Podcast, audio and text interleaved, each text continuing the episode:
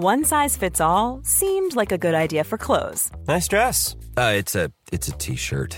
until you tried it on. Same goes for your healthcare. That's why United Healthcare offers a variety of flexible, budget friendly coverage for medical, vision, dental, and more. So, whether you're between jobs, coming off a parent's plan, or even missed open enrollment, you can find the plan that fits you best. Find out more about United Healthcare coverage at uh1.com. That's uh1.com. Millions of people have lost weight with personalized plans from Noom, like Evan, who can't stand salads and still lost 50 pounds. Salads, generally, for most people, are the easy button, right?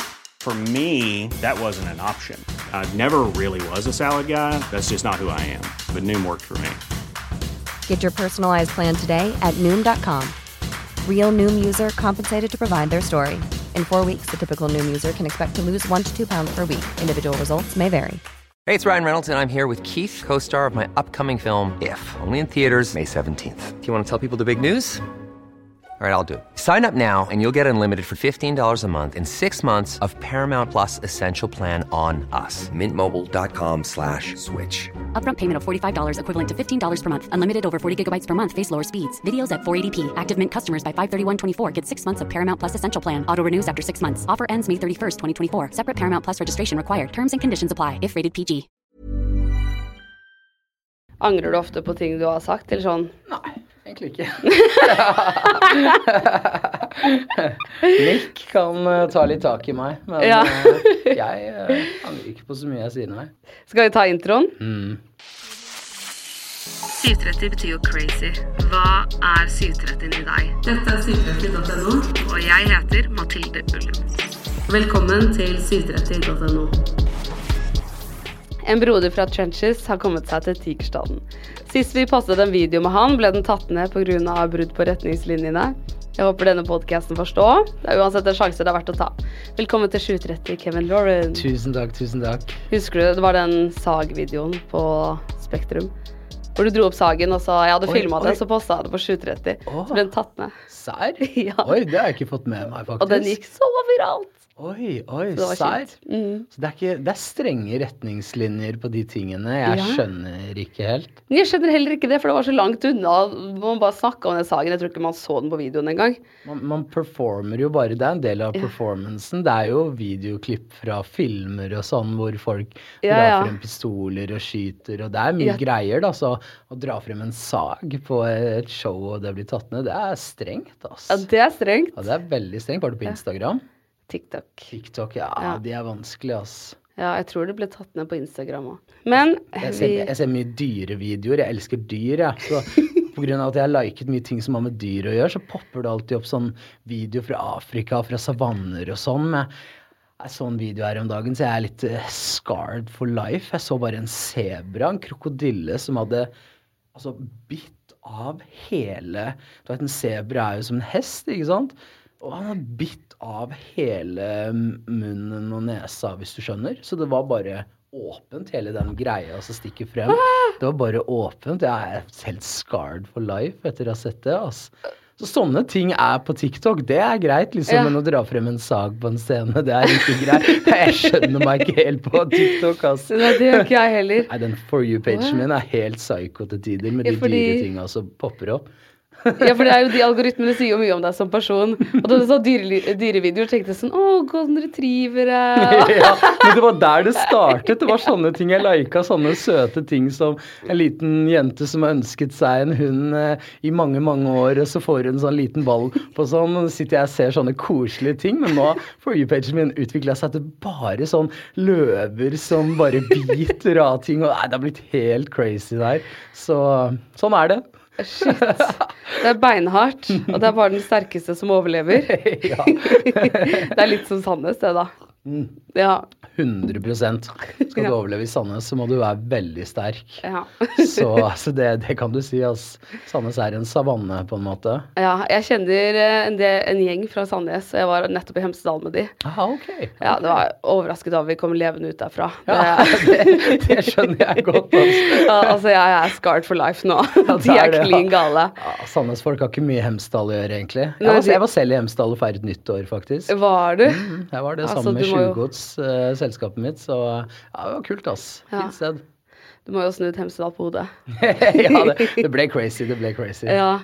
ja, fordi da tenkte jeg sånn Jeg var på afterskien tenkte jeg, herregud, jeg klarer ikke å være der mer. Jeg følte at jeg ble klemt av to sumobrytere som bare skal holde deg fast. For det er så trangt. Ja. stavkroa, ja, det er crazy. Og du ass. står opp på bordet for å få litt luft, og så bare blir du dengt ned i bakken, og alle er sånn 'Å, dette er gøy.' Jeg bare 'Å nei'. Løper hjem, jeg. Det er morsomt med vi som spiller konserter. Vi spilte jo på Stavkroa. Det var, det, var som å se Hva er det det uttrykket heter med noe sånn sild i tønne eller noe sånt? Ja. At, eh, det var som å se, se det. Folk står Ja, vi snakket litt om det etterpå. Jeg ville aldri vært nede i ville den aldri crowden. stått der nede, Aldri altså. stått der nede. Du må være klin gæren for å holde ut. ja, det er en krig, ass. Ja. Og jeg spiller også mye konserter med Spesielt jenter besvimer på konserter, og man får litt sånn rockestjernefølelse, men jeg tror egentlig de besvimer fordi de ikke får puste, eller de blir dehydrert. Det er ikke nødvendigvis fordi Så jeg er helt rå. men det blir en del jenter båret ut på konsertene, og det er jo fordi det er eh, en, krig ute i crowden, da. shit. Så altså, det er eh, jeg, jeg selv er ikke Jeg liker å gå på konserter, men jeg går ikke på veldig mye konserter. Jeg er ikke en sånn konsertperson. Skjønner folk som reiser verden rundt for å se konserter. Selv jeg går på konsert av og til. Ja. Så Ja, Når du først har stått backstage, så vil du ikke ut i crowden igjen. nei da. da, det er svett, eh, det er svette tilstander der og kaos. Ja. Men eh, herregud, ja, du har jo kommet ut med en ny låt med ikke-musikk. Yes. Vil du fortelle litt om den?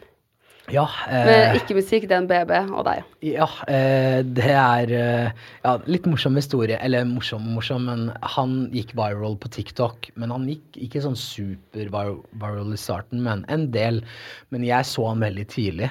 Jeg så videoen hans. Han la litt ut litt forskjellige videoer. Jeg måtte se den to-tre ganger før jeg, jeg trykte follow etter tredje gangen jeg så det. For jeg bare tenkte han her Jeg begynte å se at han begynte å få en del kommentarer til å komme sånn tidlig opp, men da var det ikke dritmye, men det var en del.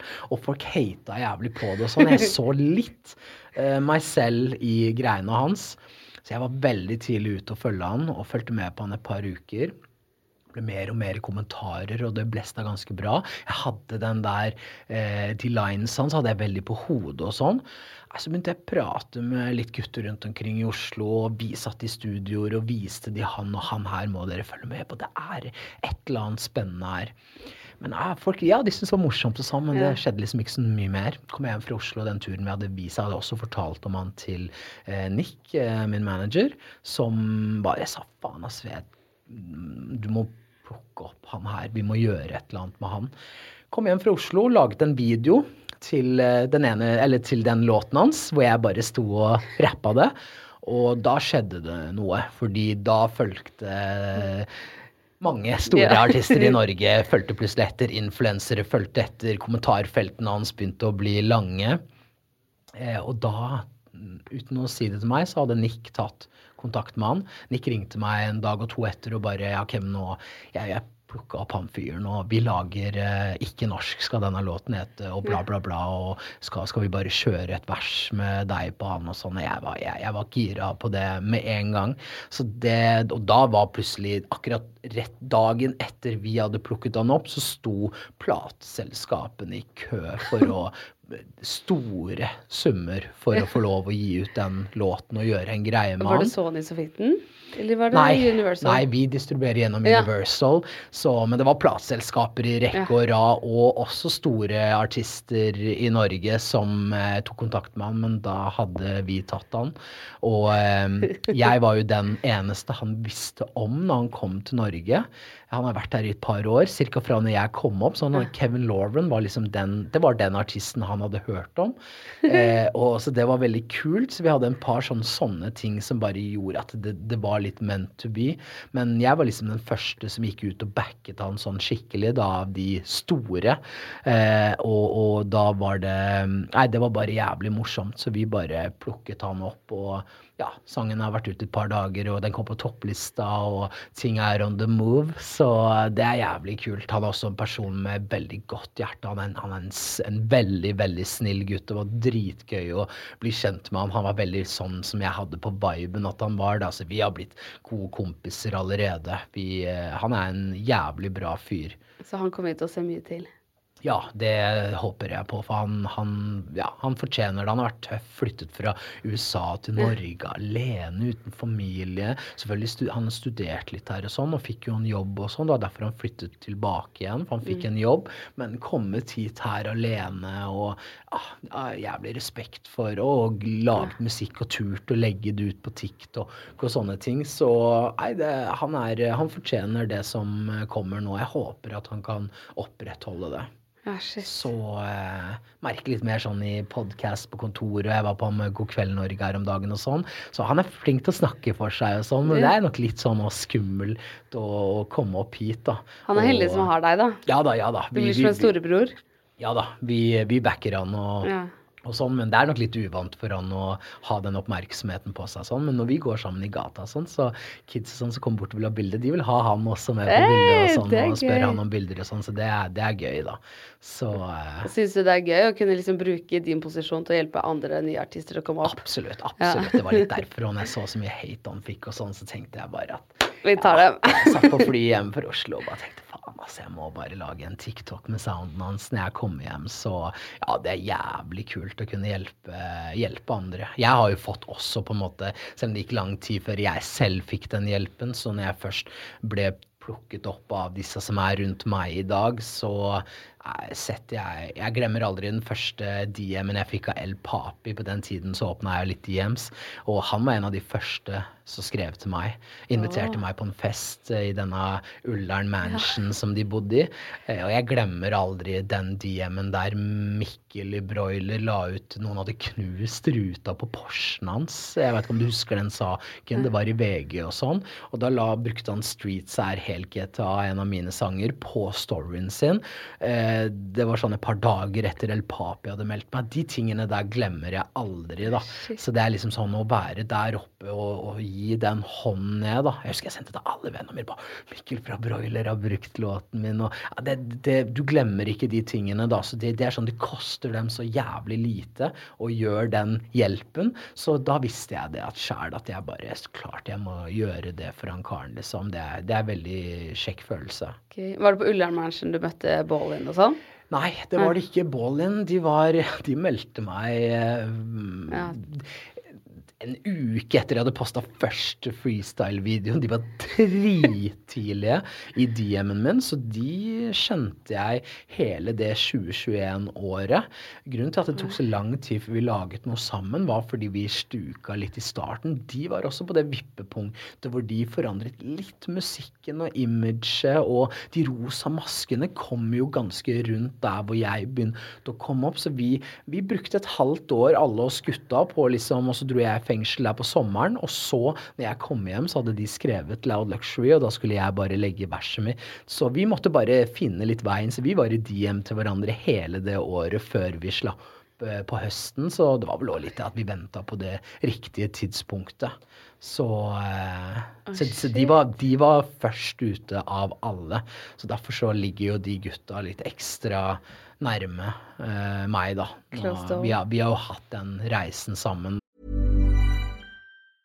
Many of us have those stubborn pounds that seem impossible to lose, no matter how good we eat or how hard we work out. My solution is PlushCare. PlushCare is a leading telehealth provider with doctors who are there for you day and night to partner with you in your weight loss journey. They can prescribe FDA-approved weight loss medications like Wagovi and Zepbound for those who qualify. Plus, they accept most insurance plans. To get started, visit plushcare.com slash weight loss. That's plushcare.com slash weight loss.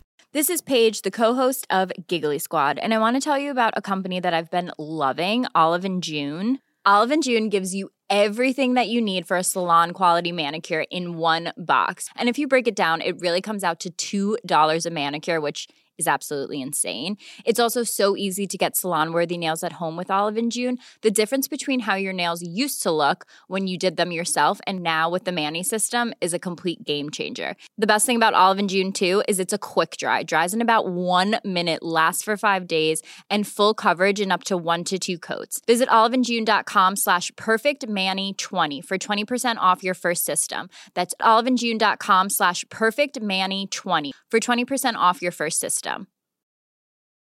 Quality sleep is essential. That's why the Sleep Number Smart Bed is designed for your ever evolving sleep needs. Need a bed that's firmer or softer on either side? Helps you sleep at a comfortable temperature? Sleep Number Smart Beds let you individualize your comfort so you sleep better together. JD Power ranks Sleep Number number 1 in customer satisfaction with mattresses purchased in-store. And now, save 50% on the Sleep Number limited edition Smart Bed for a limited time. For JD Power 2023 award information, visit jdpower.com/awards. Only at a Sleep Number store or sleepnumber.com.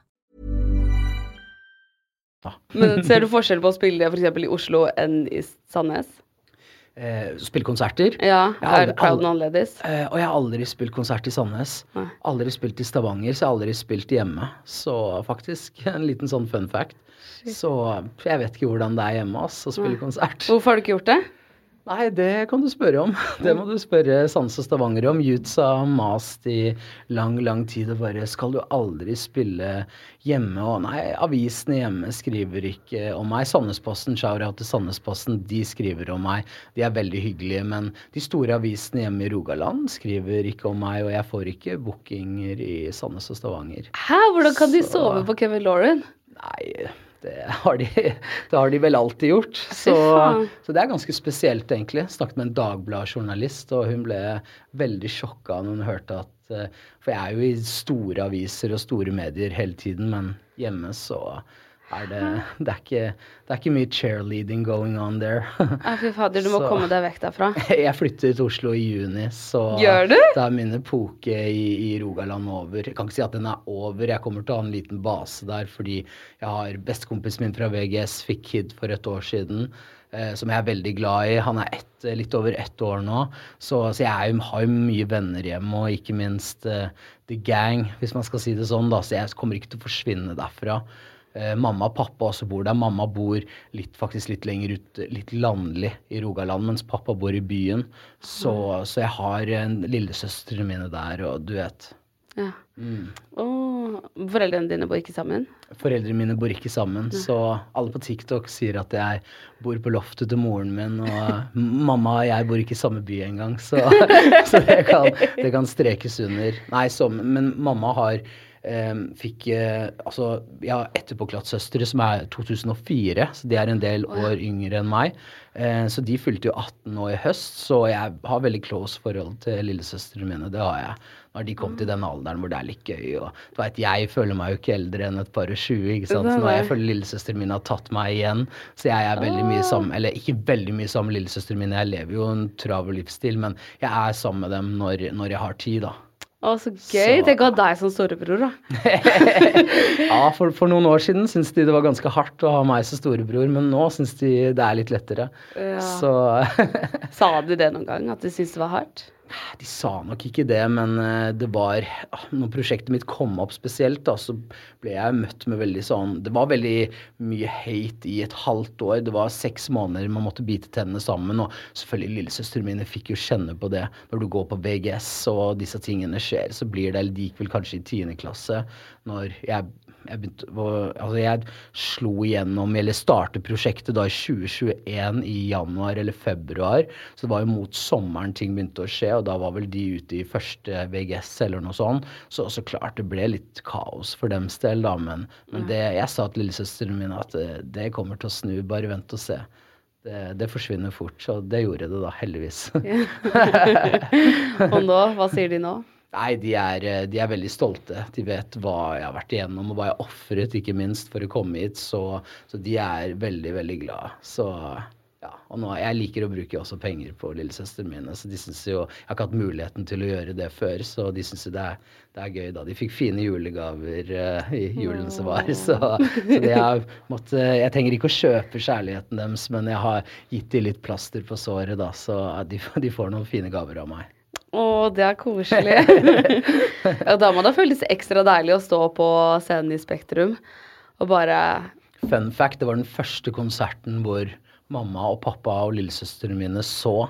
Så de hadde ikke sett noen konserter fordi jeg aldri spiller hjemme. ikke sant? Så jeg har jo spilt i overalt i Nord-Norge og selvfølgelig Østlandet og Sør-Norge, Kristiansand og Grimstad, de stedene der. Så, Mens de har liksom ikke fått sett meg spille, så jeg ga, ga de flybilletter og Spektrum-billetter, og jeg fiksa hele greia for dem, så de kom opp og så meg. Så ja, det, var veldig, det var nok rart for dem å se den første konserten i Spektrum. Så det ble jo veldig mye følelser den kvelden. Det var veldig, veldig, veldig spesielt. Skulle gjerne ha tante der, men hun er ikke så glad i å fly og sånn. Så For du har jo laget sang til henne.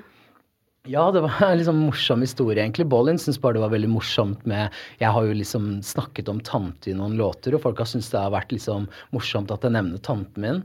Og grunnen til at jeg nevner tanten min, er fordi at vi er veldig close. Tanten og onkelen min de fikk aldri barn selv. Eh, altså, Tanten min er jo søsteren til pappa på den siden. Så de fikk aldri barn, så vi var alltid De var sånn Hva er det heter? Fadder? Når man er sånn Hvis foreldrene dine skulle dø i en flyulykke, så, så er det de som tar over deg, da. Så de har alltid hatt sånn tatt med meg og søsknene mine på sånn 16-årstur. Alle når vi ble 16, så tok de med oss på en uke ferie og sånn. Så, og alltid vært sånn. De har gitt oss veldig mye, så de, de er Ehm, ja, de er foreldrene mine nummer to, har jeg alltid sagt. Altså, vi har et veldig nært forhold til dem. Så, så jeg skulle gjerne ha tante der i Spektrum. Så, så sånn er det. Onkel døde i korona, så han, eh, så han fikk liksom ikke eh, Ja, hun er aleine nå, så da er det litt vanskeligere med reising og litt sånne ting, da. Så, men eh, ja. Onkel forsvant i 2020, var det vel. Så det var litt dritt. Da var livet mitt liksom på bunnen, men samtidig da jeg så eh, veien, da. Jeg så liksom visjonen i 2019-2020, og så når jeg lanserte prosjektet mitt i 2021, så gikk det jo veldig fort, så jeg, jeg skjønte alt i de årene. Så det har vært sånn tungt å svelge at ikke onkel fikk liksom hans, den perioden jeg hadde en del ja, Det var mye tull med politi, og det var tull med alt, og jeg hadde ikke en legit jobb og ingenting. Så ja, drit at han forsvant akkurat før det. Det har gnaga veldig mye på meg. Så, så det var veldig spesielt i Spektrum. Det var en litt sånn finale for året vi hadde med Ballin, Ja. hvis du skjønner. Det var sånn alt det vi hadde opplevd. Jeg kom jo opp sammen med Ballin. Jeg hadde liksom den Ehm, jeg hadde den vanvittige hypen, og Ballin hadde musikken. Så når vi collabet sammen, og ting ble så stort, og vi har vært på den reisen, vi har spilt masse konserter, vi har hatt to hits sammen, og eh, slutten av, året med Spektrum, det var en sånn finale med gutta, og det var så spesielt. Jeg har ikke klart å grine på mange år. Sist gang jeg grein var i sånn 2017, på julaften. Da hadde jeg ikke jobb, livet hadde gått Alt hadde gått til helvete. Jeg eh, gikk opp i andre etasje og satt på rommet, og midt i julaften, tante var på besøk og sånn, jeg gikk opp og knakk sammen, satte og grein i 15 minutter og tørka tårene og tok noen øyendråper for at jeg ikke skulle være rød i øynene, og gikk ned og lata som ingenting. Eh, så det var liksom sånn, det var sist gang jeg klarte å få ut noen tårer, da. Men jeg har ikke klart det siden. Ikke i begravelser, ikke i onkel sin begravelse. Det er litt som å være sterk for søsknene sine og sånne ting. Men når vi var i Spektrum, så ja, var det veldig, veldig spesielt. Jeg sa jo før tantelåten kom, så jeg husker ikke helt hva jeg sa, men jeg sa noe med at, at jeg dedikerte den selvfølgelig til tante, og, og sa liksom til onkel at eh, vi, vi passer på tante, og så bom, kom tante på, og hele crowden klikka helt. Så når vi satt backstage, så Bowlinggutta kom ned trappa. De, jo, de spilte selvfølgelig lenger, og jeg satt ned og venta på dem. Var jo selvfølgelig oppe og kikket på dem. Så gikk jeg ned rett før de var ferdige. Og når gutta kom ned trappa, så bare skjedde det et eller annet inni kroppen min. Det bare sånn, Jeg fikk sånn følelse Jeg skjønte ikke Det er jo en del sånn backstage-klipp derifra som også P3 har publisert. Jeg står mot David Mokel og bare Jeg skjønner ikke hva som skjer. Jeg, jeg bare sånn, Det bare kokte inni meg. Nei, jeg har, jeg har et veldig eller, nært forhold til alle gutta, men det er liksom han med den mørke stemmen i Ballin. Han har også hatt noen sånne personlige ting. Mistet faren sin til kreft og litt sånne ting. Så når jeg så han, så bare Jeg bare knakk sammen. Det bare kom ut, og han knakk sammen. og ah, meg og han med den mørke stemmen i Ballin, vi satt eh, Jeg tror vi satt i en time og bare grein og grein og grein og grein. Og grein. Og det var en veldig spesiell opplevelse, e- egentlig. For det var, sånn, det var litt deilig også å bare få det ut. Jeg tror alt fra alle de siste åra, all the struggle, alt bare kom opp, da. Så, faen, det så det, det var veldig, veldig spesielt, da. Så um, ja, kan kanskje være bra for oss gutter å grine litt oftere. Jenter er litt flinkere på det. Det er nok en naturlig måte å få ut følelser på, men det har vært vanskelig, da. Ja, I hvert fall når du har kjent på at ting har vært så tøft. Mm, man har måttet være sterk hele tiden. Og ja, sånn måten jeg også kom opp på Jeg hadde ingen hjelp. Jeg hadde en produsent som har vært der for meg hele tiden. Og vi satt alltid og snakket om at vi, vi skulle hit en dag. Så, så, han har vært der for meg hele tiden, men utenom det så har det vært veldig lite backing hjemmefra. Da, så man har måttet gå denne veien eh, helt alene, da. Så det, det, er derfor jeg er ekstra stolt over også hvordan utfallet har blitt, da. Men det var jo også en risk å ta. og du har gjort det Du har gjort en helt egen greie, liksom? Ja, helt egen. Du har jo egen... aldri sett noe lignende før. Det er, det, er, det er veldig spesielt. Så jeg ville bare gjøre med prosjektet mitt noe motsatt av alle de andre. Siden jeg har vært gjennom så mye tøffe ting og sånn, så er det bare jeg gidder liksom, altså Alle snakker om altså Jeg er rundt mye russeartister og Beko Moberg og Baalin og Den BB og alle disse folkene her. Eh, og de, der er det liksom synging om drikking og festing og livet er bra og penger regner og Andreas Tix, ikke sant. Alle tekstene hans. Nå har jo han gitt ut mer seriøse låter, da, men hvis man ser litt sånn all over russegamet så mitt liv har ikke vært sånn. Så jeg har vært liksom på motsatt side av gjerdet. Jeg har lagd musikk om hvor lite penger jeg har, og hvor vanskelig det er, og hvordan det er å, å gjøre ting som ikke er lovlig, osv., osv. Så, videre, og så, så, så det det er kult at mange kan relatere til det, på en måte. At man kan lage også musikk som at livet er ikke alltid så bra. At folk kan føle det. Mm. Jeg møtte en jente på et utested som kom bort og fortalte meg at, at, hun hadde vært jævlig langt nede og vært på sånn selvmordsstadie. Og hun hadde oppdaget meg og hørt låtene mine. Og selv om nok ikke hun kan relatere til det jeg prater om i låtene, så har hun skjønt greia og skjønt hvor på en måte hun har sett og hvor hardt jeg har hatt og hvordan jeg har kommet meg opp, så ja, hun sa bare at, eh, at, musikken min hadde redda livet hennes. Så å høre noen si det er veldig spesielt. da. Folk kan relatere til det på andre måter. Så Det er derfor jeg har blitt veldig glad i UK drill. Jeg kom jo liksom, Det var jo sånn jeg kom opp med drill-hiphop eh, som ikke er kommersielt Eller det er kommersielt, men ikke i Norge, da. Så det var jo kult at, var, at jeg klarte å ta den bølgen opp. Men tekstene og måten de prater om ting Favorittartisten min, Dutch Avelli, han prater bare om hvor, hvor, hardt ting har vært for han opp. da.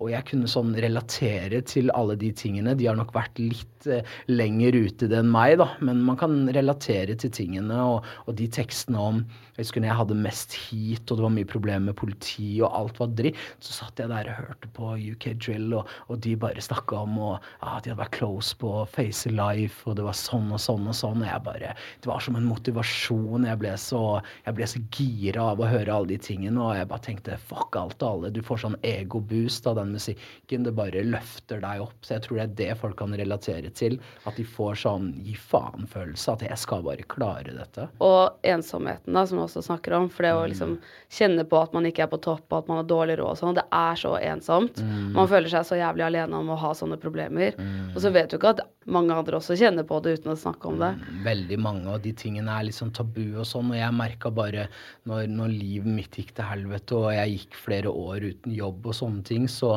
så var det på en måte I Norge så har man en tendens til å Veit ikke.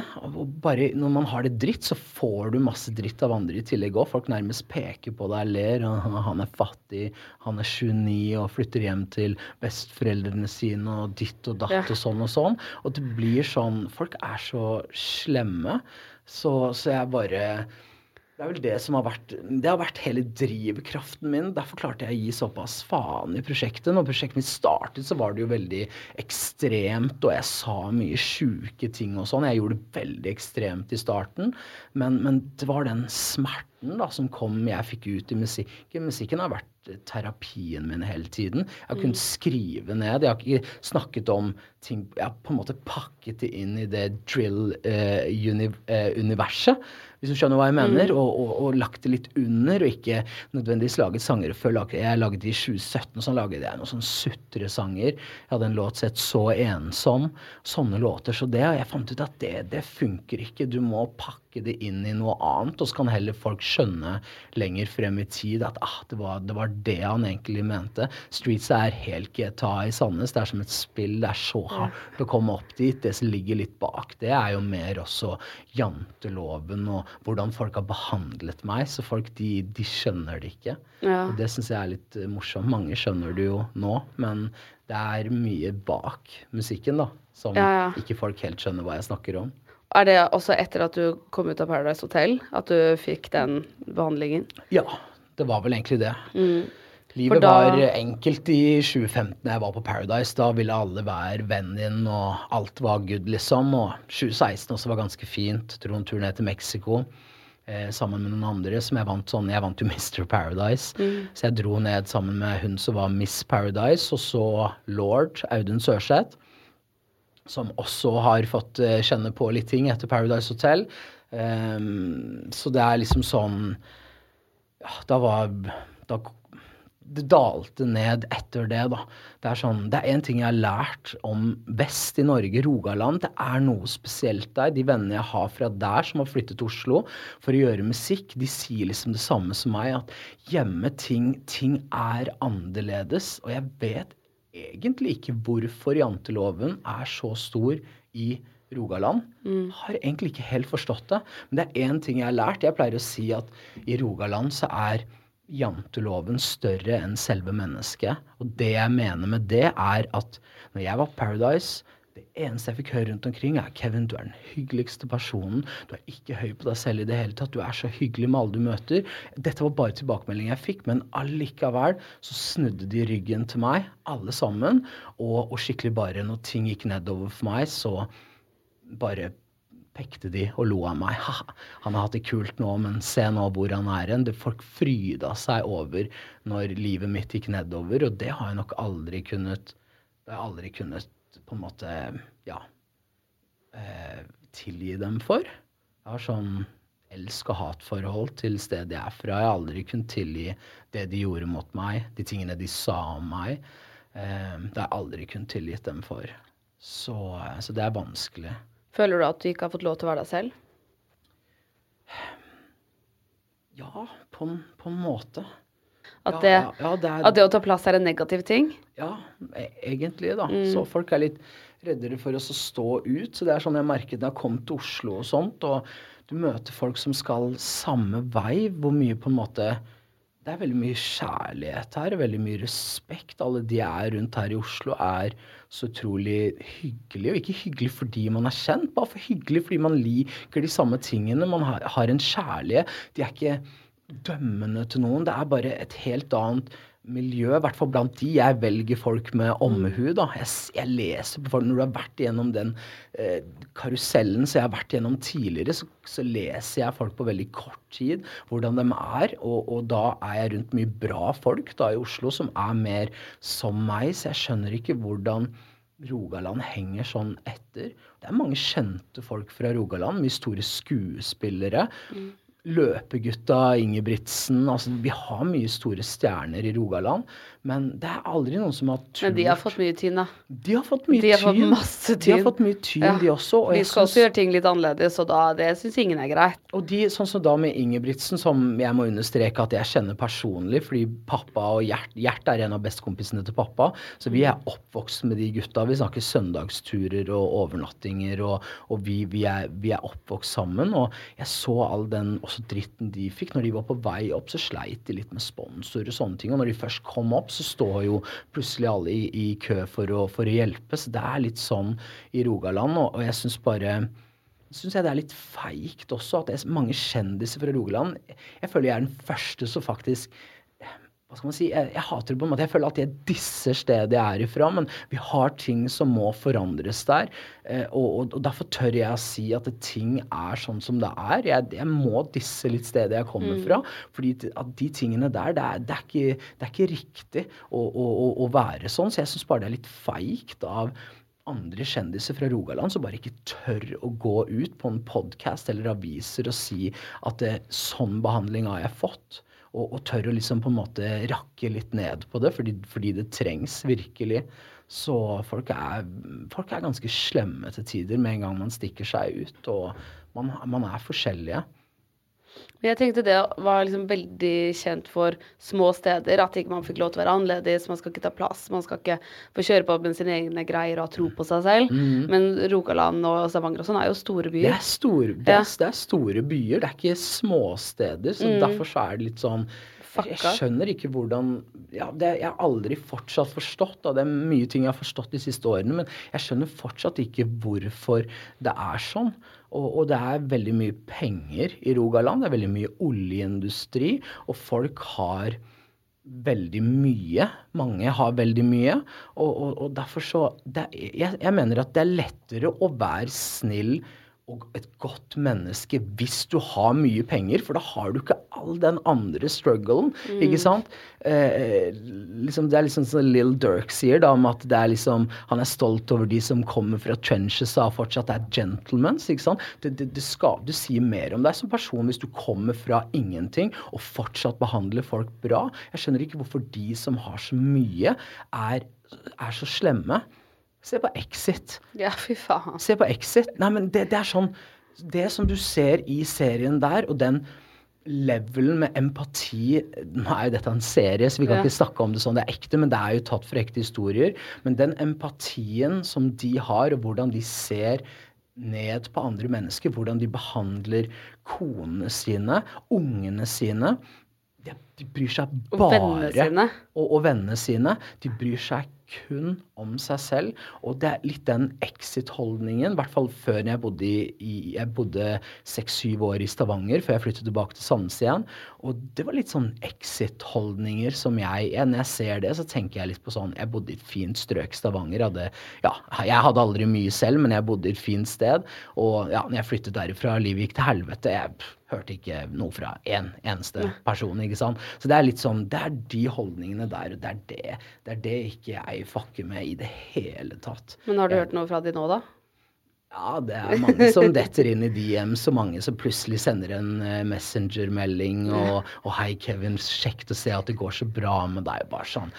Jeg åpner det ikke engang. Nei. Så nei, jeg bare Jeg åpner ikke DM, snapper, ingenting, faktisk. Og det har bare litt med å gjøre at jeg alltid bringer meg litt down. Jeg får ingenting ut av det. Når jeg var Paradise, brukte jeg mye tid på å åpne DM, svare folk. Jeg, mange ungdommer som var eh, deprimert og sånn, sendte meg meldinger. Jeg var så, jeg var, folk kjenner meg som en positiv person, ikke sant. Så, så jeg prøvde på en måte å hjelpe så mange kule. Jeg ga så utrolig mye tilbake. Sto alltid, tok bilder med alle. Jeg, jeg ga så sykt mye av meg selv. Så det var litt sånn når jeg plutselig bare var der aleine og det ikke var noen igjen, så har det på en måte også egentlig ødelagt litt for suksessen nå. Fordi jeg er ikke så glad i bilder og igjen da DM, Snapchat, Messenger. Jeg åpner ingenting fordi det bare gir meg ingenting. Jeg har vært gjennom den karusellen før. Det er kanskje negativt og, og dumt av meg å tenke sånn, men eh, Du føler at ikke det har så stor verdi? Som ja. Det har ikke så stor verdi. Jeg må eh, liksom beskytte min energi, hvis man skal si det sånn. Når man blar gjennom DMs så er det jo veldig mye positivt, men det er også mye negativt. Og det var sånn, det er det jeg ikke orker å lese.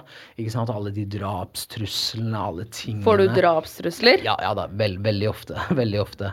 Så det har jeg Anmeld. gjort hele tiden. Men det er jo sånn, i dag, folk skriver jo på TikTok. Jeg leste på mm, ikke norsk-sangen med, med meg og ikke musikk og den BB.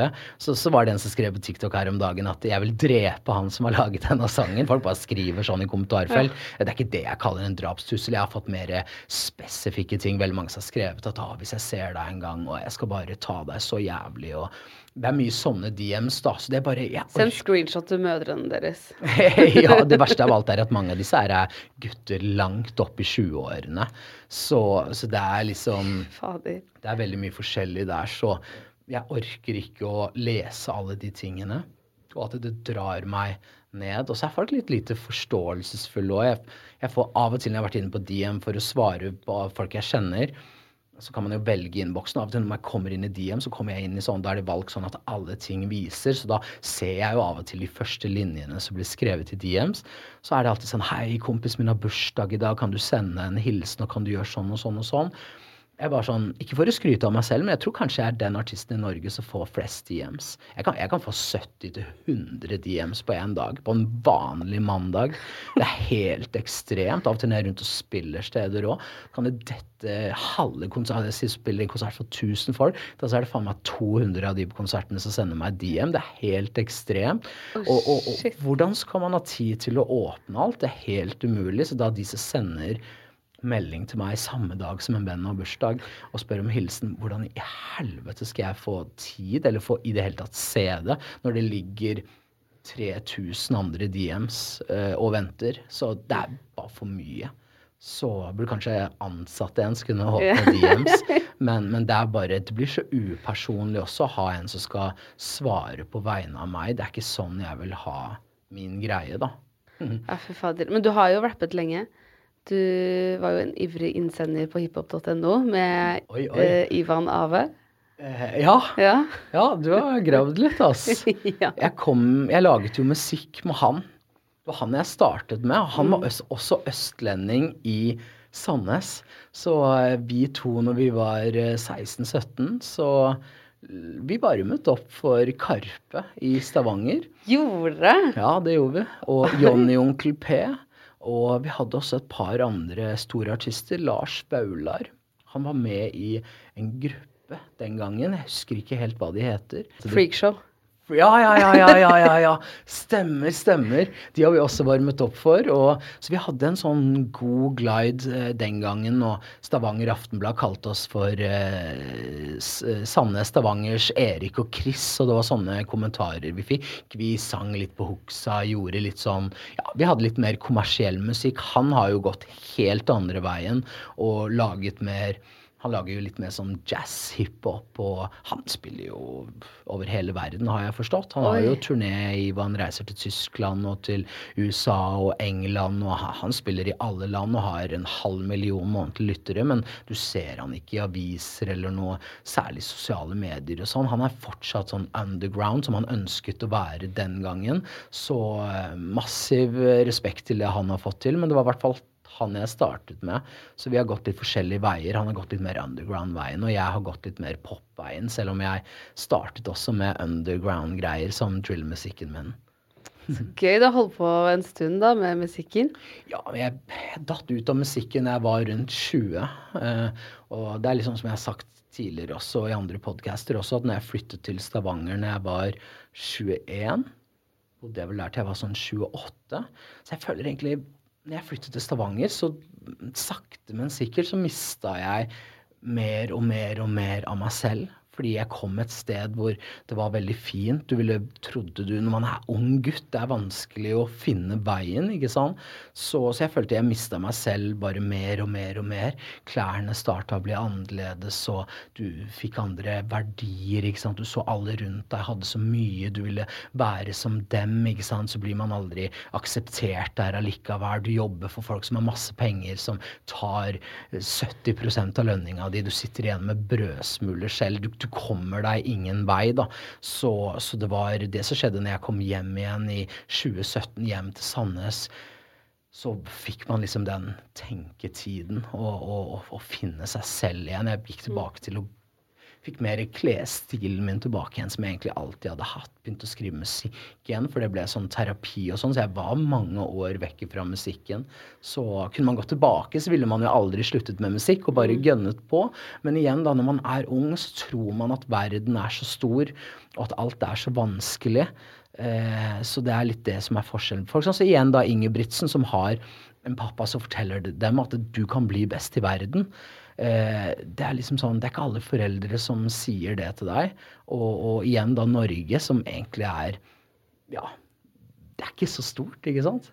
Så, så, man har gode muligheter i Norge hvis man virkelig vil noe. Ja. 18 år gammel lillesøstera mi hun vil bli skuespiller. og jeg har sagt til henne, hun har gjort det kjempebra, hatt mye store musikaler hjemme og sånn. Og jeg har sagt til henne flytt til Oslo.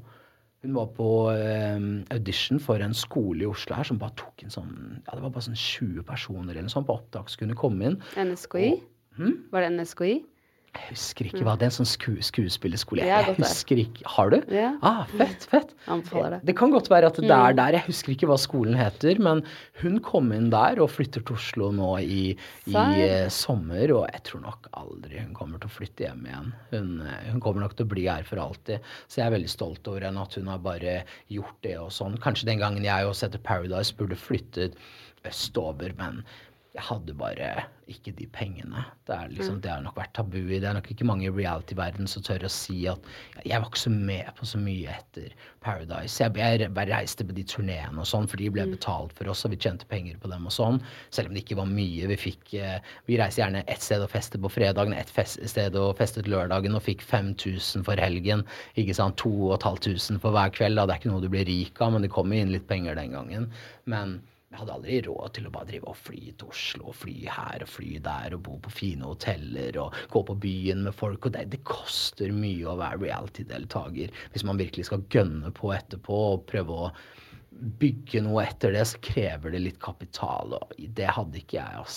Men ja, for det tror jeg ikke mange snakker om i det hele Det tatt. tror jeg ingen, eh, ingen i reality-verden, men det koster etter reality hvis du skal være med på ting og være der det skjer. Det koster penger. Det koster Ja. mye penger. Ja, for det Nå har jeg vært eh, to uker i Oslo og, og jobbet eh, Ja, denne måneden har jeg vært to uker i Oslo og jobbet promo og sånne ting. Og det er jo ting du får tilbake for, fordi du får masse streams, og de pengene kommer tilbake igjen. Men denne måneden her så har jeg hotellregninger på var det jeg regnet ut? 47 000. Kun denne måneden her. 47 000. Greit, nå velger jeg også å bo på Plaza og Karl Johan hotell og de stedene hvor det koster rundt 3000 kroner natta. Jeg kunne jo bodd på når jeg begynte å reise til Oslo, så bodde jeg på Smart hotell og betalte sånn 600 kroner natta. Jeg synes det var, det rant jo inn penger allerede da etter La Luxury, men jeg syns det var litt sånn skummelt. Og jeg har veldig respekt for de pengene. Jeg har aldri Ja. hatt sånne penger på konto før, så, så jeg har veldig respekt for de pengene. Jeg kunne, kan synes at de utbetalingene, streamingutbetalingene sånn, kan være litt skummelt. Hvis jeg får eh, 350 000 i stream da, rett inn på kontoen. ikke sant? Det er sånn, Jeg, jeg, jeg, jeg syns det er skummelt. Jeg setter de rett på sparekontoen. Jeg bader på sånn skatt og sånne ting. Jeg syns det er veldig skummelt, rett og slett. Så jeg har mye respekt for de pengene. Så jeg sparer mye og prøver å bruke det til uh, viktige ting, da.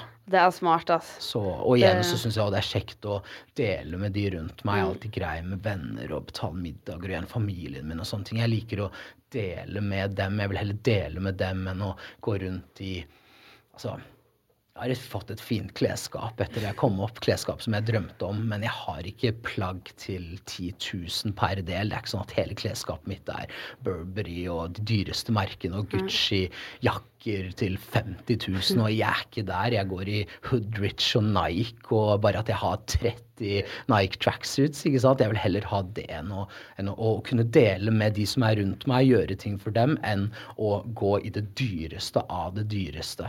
Ja, for hvis du begynner med det, da ryker de tusenlappene fort. da ryker de fort, og jeg ser bare ikke helt uh, poenget med det. Jeg, Og det er dyrt å opprettholde en sånn livsstil òg. Det er det. det er det. Det- Så jeg tror det er mange også som går på blemmene der. At de skal bare ha det fineste av det fineste. Igjen, det er mange ungdommer som ser opp til meg, og da blir det på en måte feil. Men ja, du snakka om dårlig råd og sånn, og så vet vi jo at eh, du har vært eh, en tur innom fengselet. Hvordan var det? For i gjengmiljøene og sånn så er man jo vant til gatejustis, men så kommer plutselig politiet og tar deg. Hvordan er det? Nei, det er um, Ja, hva skal man si? Det er kjipt å måtte komme i en sånn situasjon hvor man må gjøre kriminalitet. Jeg har liksom jeg vet ikke, Kanskje det også det er feil, men jeg har liksom unnskyldte meg selv hele tiden og rettferdiggjort det jeg har gjort som ikke er lov, med at jeg ikke hadde så mange andre muligheter. Jeg ble fryst ut i Rogaland eh, etter Paradise. Eh,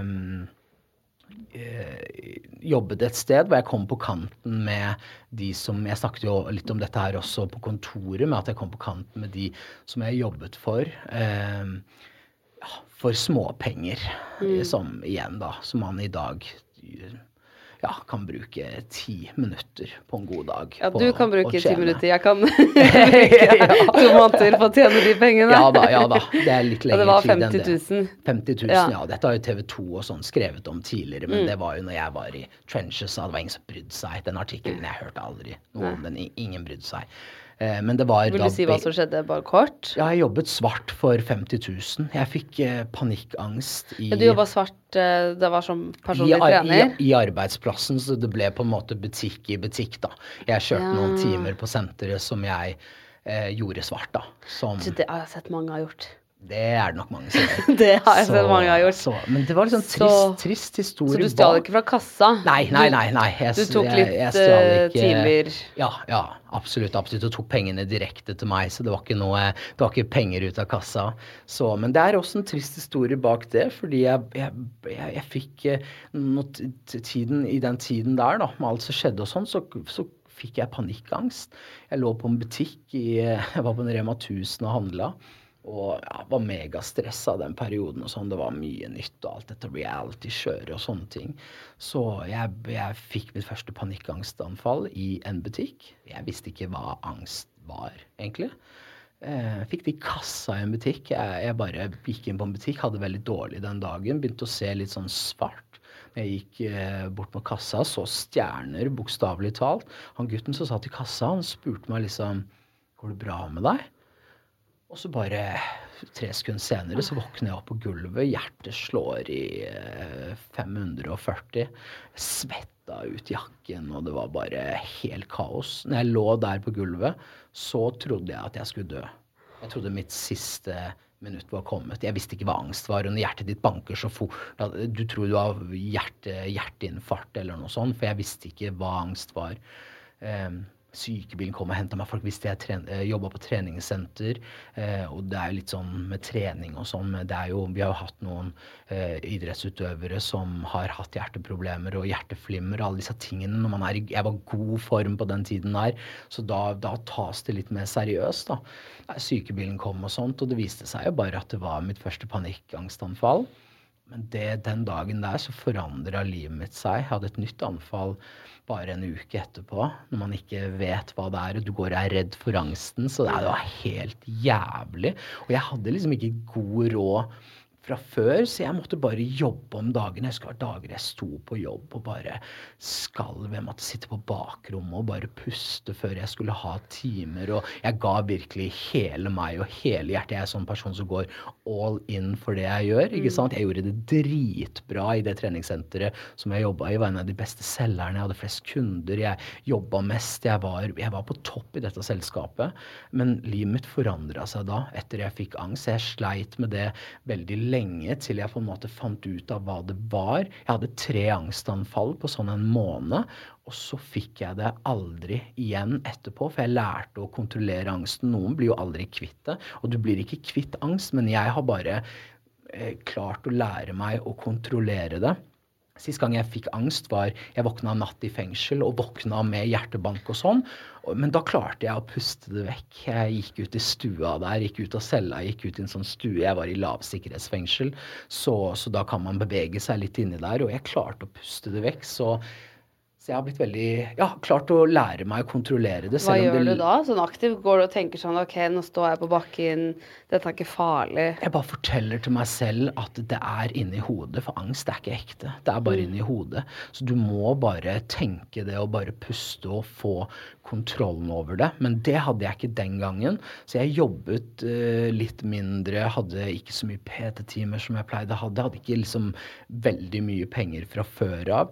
Eh, disse arbeids, De som jeg jobbet for, de presset oss som jobbet der ned på Vi var lovet gode, fine avtaler, og de skulle plutselig skrive om avtalen og presset oss til å signere ting hvor de plutselig skulle ha ja, mesteparten av Ja, de, de tok den store biten av kaka, og de kjører selv Mercedes til én million og bor i villaer i dette fine strøk, og de har det dritfint, ikke sant, men vi som faktisk går på bakken, og som er ansiktet deres utad, vi fikk ingenting. To av de beste PT-ene som jeg jobbet med, de, han ene sluttet, og han ene fant seg liksom i dritten, og jeg også fant meg i dritten. Nå hørte jeg det at de hadde Han som var de toppselger, da, han gikk nå for Han gikk faktisk for sånn ett år siden eller noe sånt. Så han, de, de har ingen av de gode. Dette treningssenteret jeg jobbet for, de hadde to treningssentre, og de har nå mistet det ene treningssenteret som har gått konkurs. Så de har ikke gjort bra business. Det er morsomt hvordan ting kan snu. Nå er jeg her oppe, og, Og de er in the dirt, liksom.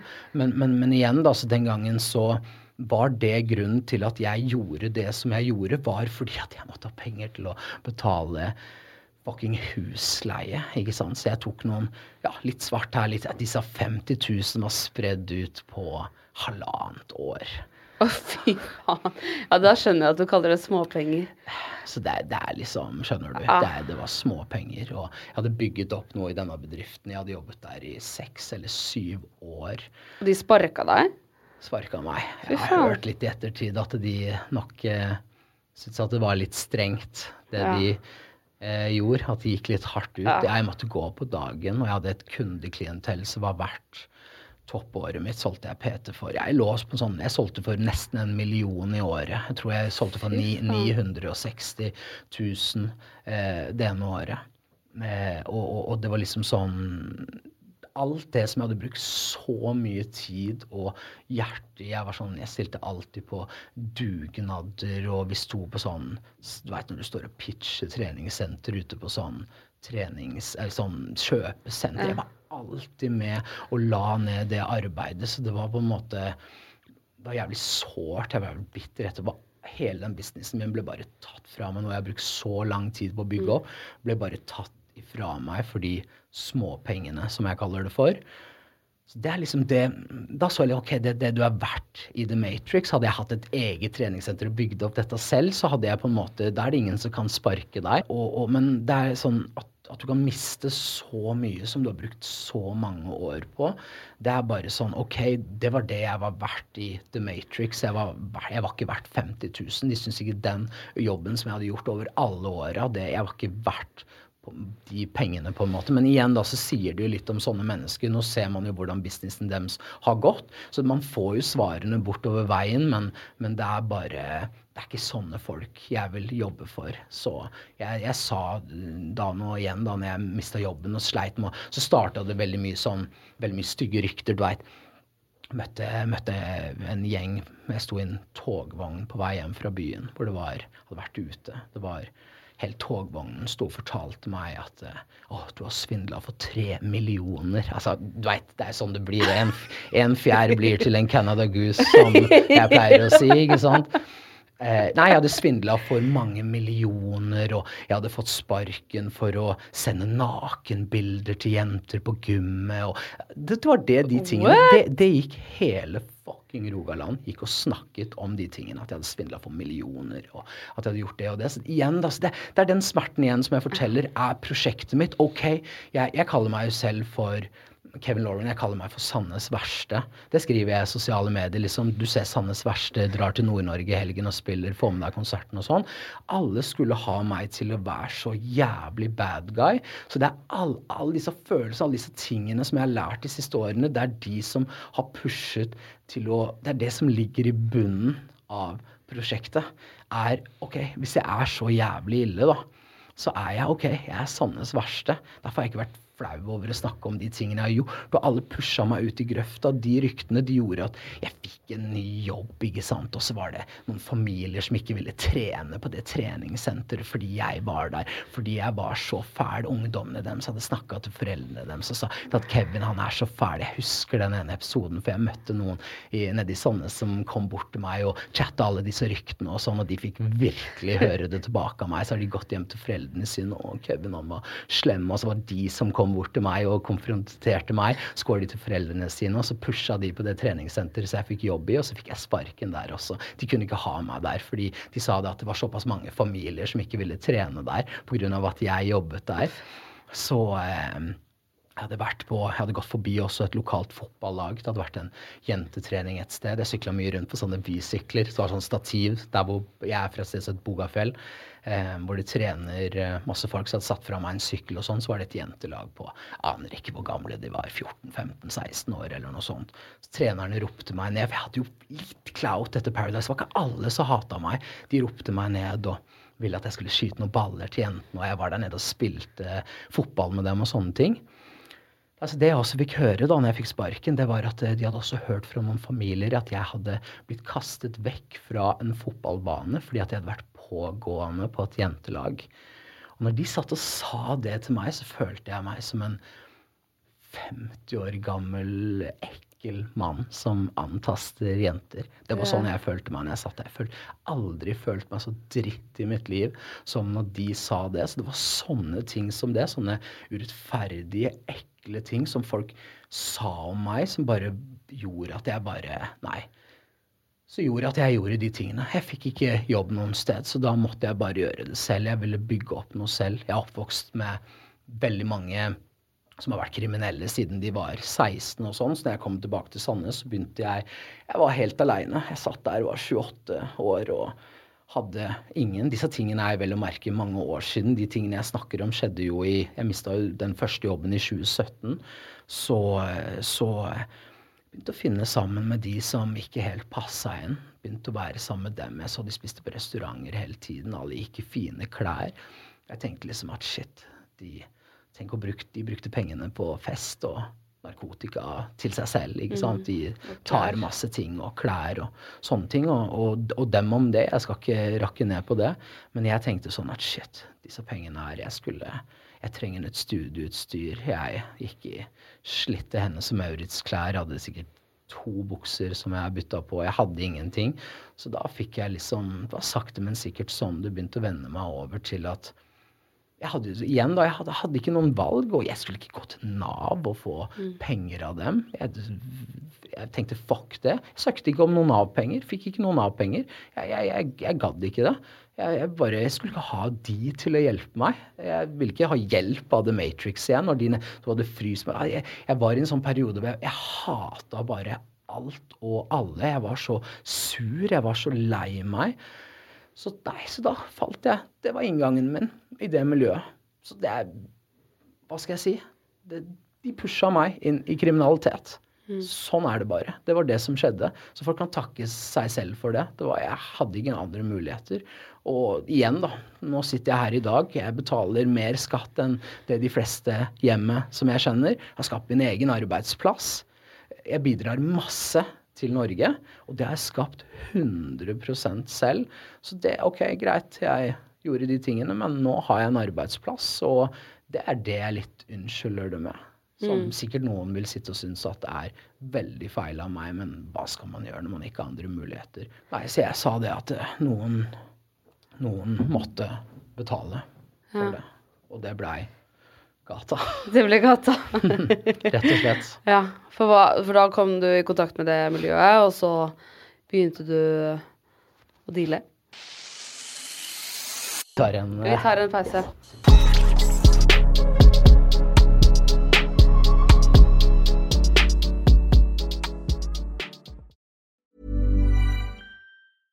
Hey, it's Paige DeSorbo from Giggly Squad. High quality fashion without the price tag. Say hello to Quince. I'm snagging high-end essentials like cozy cashmere sweaters, sleek leather jackets, fine jewelry, and so much more. With Quince being 50 to 80% less than similar brands. And they partner with factories that prioritize safe, ethical, and responsible manufacturing. I love that. Luxury quality within reach. Go to quince.com slash style to get free shipping and 365 day returns on your next order. Quince.com slash style. This message comes from BOF sponsor eBay. You'll know real when you get it. It'll say eBay Authenticity Guarantee. And you'll feel it. Maybe it's a head turning handbag, a watch that says it all, jewelry that makes you look like the gem, or sneakers and streetwear so fresh every step feels fly. eBay gets it. So look for the blue check mark next to that thing you love and be confident that every inch, stitch, sole, and logo is checked by experts. With eBay Authenticity Guarantee, you can trust that feeling of real is always in reach. Ensure your next purchase is the real deal. Visit eBay.com for terms. Imagine the softest sheets you've ever felt. Now imagine them getting even softer over time. That's what you'll feel with Bowl and Branch's organic cotton sheets. In a recent customer survey, 96% replied that Bowl and Branch sheets get softer with every wash. Start getting your best night's sleep in these sheets that get softer and softer for years to come. Try their sheets with a 30-night guarantee. Plus, get 15% off your first order at bowlandbranch.com. Code BUTTERY. Exclusions apply. See site for details. Tusen takk for at du hører på 730-podden. Hvis du har lyst til å være veldig kul, så er det bare å legge igjen fem stjerner. Og da blir jeg veldig glad, fordi det er jeg som lager alt til denne podden. Og jeg trenger masse gode stjerneanbefalinger for å kunne be sjefen min om litt høyere lønn. Så det hadde vært veldig fint. Jeg slipper nye episoder hver eneste tirsdag. Og hvis du ikke har hørt alle ennå, så er det bare å spole tilbake i biblioteket. Og trykker du på følg, så kommer alle de nye episodene rett inn i spilleren sekundet de blir sluppet. Send meg gjerne en DM hvis det er noen du har veldig lyst til å ha som gjest. Og husk at vi alltid poster spørsmålsrunder på Instagram Story, så da kan du få med spørsmålet ditt i neste episode hvis du vil det. Ha det bra!